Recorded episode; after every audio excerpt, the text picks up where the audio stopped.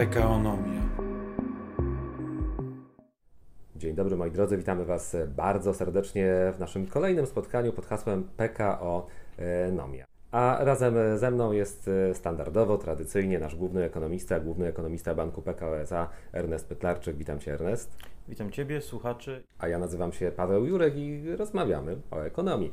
Ernest, nie wiem, czy do Ciebie dotarły jakieś sygnały przy okazji naszego pierwszego spotkania w PKOnomii. Do mnie dotarł i to chyba było nawet na, na Twitterze, kiedy ktoś zasugerował, że tak naprawdę trochę straciliśmy szansę na fajną nazwę, bo moglibyśmy nazwać nasz program, nasz podcast Bizonomics. To chyba byłaby żubronomia, jakoś tak. Ale mamy żubra, w razie czego jest razem z nami. Myślę, że ten PKOnomia też jest bardzo fajny, dobrze się to słucha. No właśnie, bo PKOnomia, tak trochę możemy wyjaśnić, to oznacza mniej więcej tyle, że to jest takie nasze, trochę subiektywne, rzecz jasna, spojrzenie na otaczający nas świat, na gospodarkę, generalnie na to, co dzieje się wokół nas. Twoje tak, tak naprawdę. Mamy już PKO Trackera, mamy teraz właśnie. PKOnomię, więc idziemy tym samym tropem a spotykamy się na kilka dni w zasadzie przed świętami Bożego Narodzenia. To nasze pierwsze spotkanie było trochę w pewnych fragmentach pesymistyczne, no bo jednak mówiliśmy o tym, co się dzieje, wiemy jaka jest sytuacja dookoła nas, dlatego tym razem chcemy trochę bardziej powiedzieć o przyszłości, bo ona jawi się na Twoich opracowaniach, które mam tutaj przed sobą, no jednak w zielonych barwach. Będzie lepiej, a nawet chyba mogę powiedzieć, będzie dobrze, czy tak? Tak, jednym słowem, tak, będzie lepiej. 2021 e, to będzie rok prawdopodobnie, kiedy zakończy się pandemia. Oczywiście tutaj nie mówimy o e, pierwszym kwartale, bo prawdopodobnie ten pierwszy kwartał 2021 nie będzie aż tak się różnił od e, końcówki 2020, roku.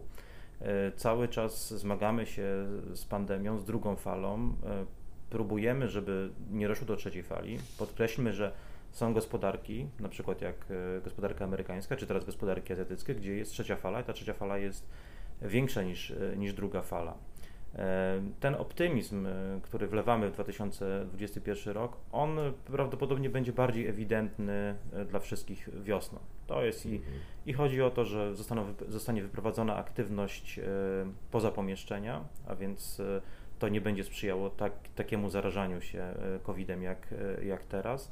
No a potem y, będą skutki wyszczepiania. Właściwie trzeba, trzeba sobie jasno powiedzieć, że tutaj wszyscy y, jesteśmy na tej samej łódce, a więc cała Unia Europejska i y, w Polsce będzie bardzo podobny efekt jak w Unii Europejskiej. Tych szczepionek zamówionych, zakontraktowanych jest właściwie więcej niż obywateli, a więc to jest więcej niż dwa razy dawka dla każdego obywatela. No teraz jakimś wyzwaniem jest logistyka ale zakładamy generalnie, że szczepionki będą działać i że będą tym, jak to mówią niektórzy, game changerem. Tak, zakładamy, że będą działać. E, no, my musimy jakąś e, tutaj wykazać pokorę wobec nauki i po prostu czytamy, jakie są doniesienia, czytamy raporty tych firm, czytamy, no, można powiedzieć, podsumowania badań no i one są jednoznaczne. Te, szczepion te szczepionki działają. Oczywiście jest trochę znaków zapytania co do tego, jak długo na przykład ta odporność się utrzyma, ale y, no, nie ma znaków zapytania co do tego, czy ta szczepionka jest bezpieczna, a więc te wyniki są według mojej wiedzy, według tego, co rozumiem, y, jako nie y, farmaceuta, nie, nie lekarz, te szczepionki po prostu działają.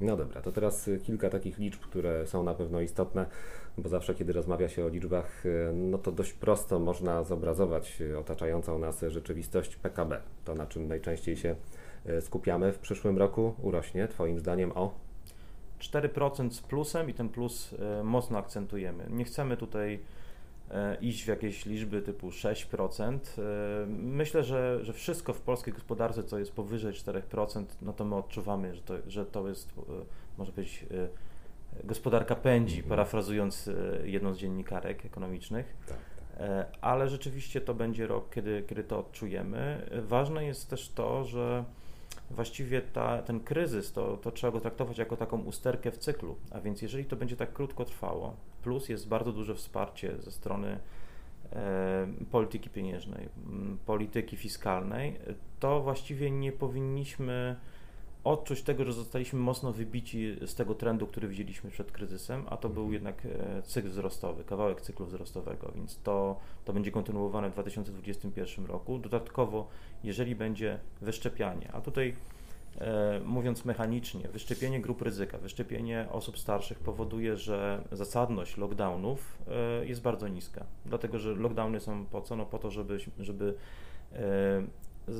nie żeby ta liczba zgonów po prostu nie rosła. Wiadomo, że 95% osób, które albo umierają, albo są hospitalizowane, to są osoby starsze, więc wyszczepienie tych grup ryzyka diametralnie zmienia w ogóle percepcję choroby, czy, czy samo ryzyko, e, no i to zmienia oczywiście wzorce, wzorce zachowań. A więc to, co byśmy widzieli w 2021 roku, to jest właśnie poczynając od wiosny, to jest powrót do w miarę normalnego funkcjonowania i tu jest od razu odblokowanie e, tych sektorów, które uznajemy jako covidowe. Covidowe, mhm. czyli takie, które e, no, albo są pod, poddane restrykcjom, albo po prostu my samo ograniczamy się, na przykład kina, Restauracje, restaura tak. restauracje, teatry i tak dalej. A więc tu jest duża przestrzeń do tego, że będziemy mieli dodatkowy element tego paliwa. Jak patrzymy, co się, co się stało latem, e, latem e, bardzo mocno e, wzrósł PKB, bo to było mhm.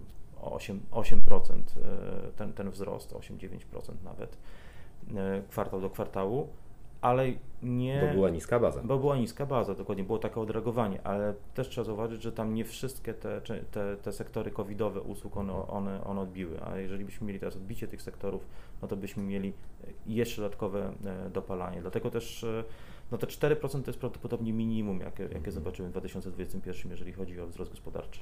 No ja widziałem nawet takie prognozy ekonomistów, które pokazywały, że 6 czy 8%, więc to jest dokładnie to, o czym mówisz, że ten plus pewnie się y, pojawi. Y, czyli tak, y, przekładając to na język szkolny, czerwonego paska w tym roku raczej nie będzie dla polskiej gospodarki, ale 4 plus też to w sumie jest nie, niezła, niezła ocena tak naprawdę. Natomiast chcę wrócić do tej bazy jeszcze, o której rozmawialiśmy, tak trochę może kij w mrowisko wkładając, bo E, właśnie, to, że rośniemy, to jest bardzo fajnie, ale jak spojrzymy na to, co działo się w roku 2020, kiedy e, PKB no, prawie cały czas nam spadało, no to jest efekt taki, że ten wzrost nie oznacza jakiejś wielkiej radości chyba.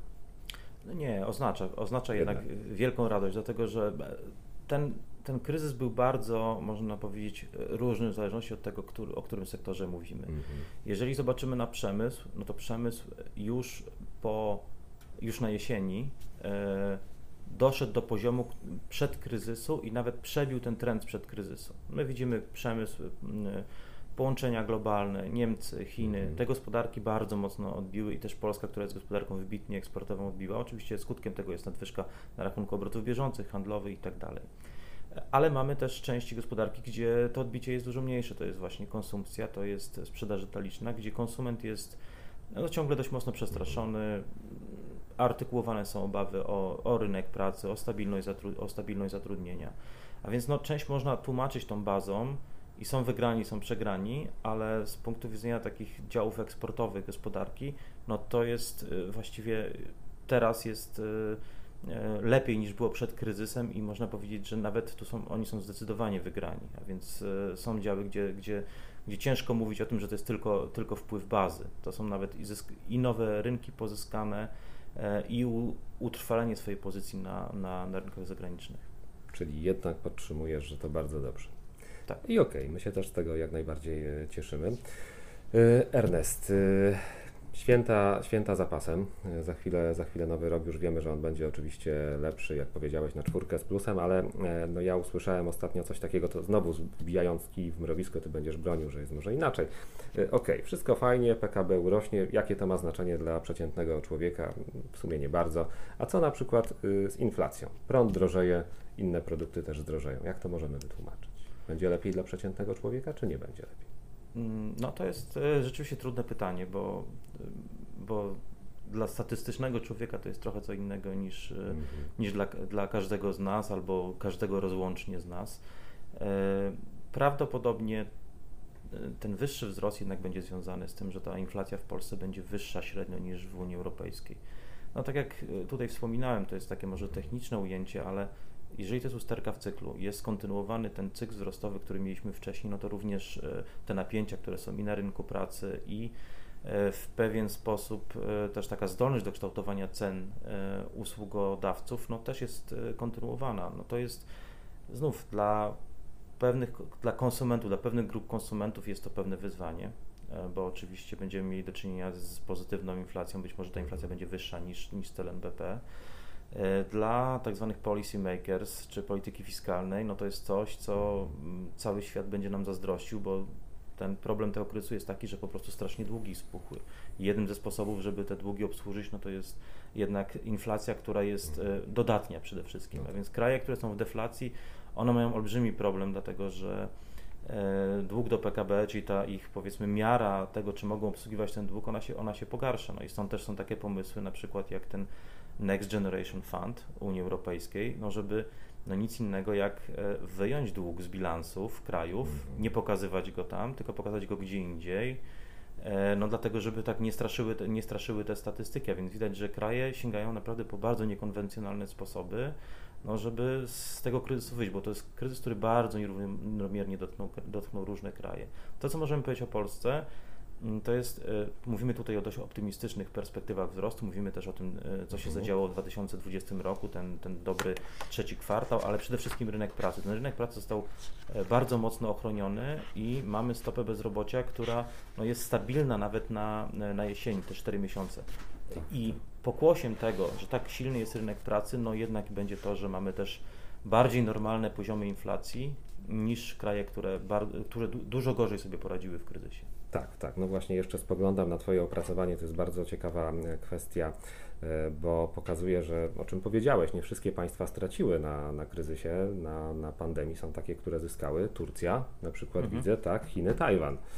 Turcja to spora niespodzianka.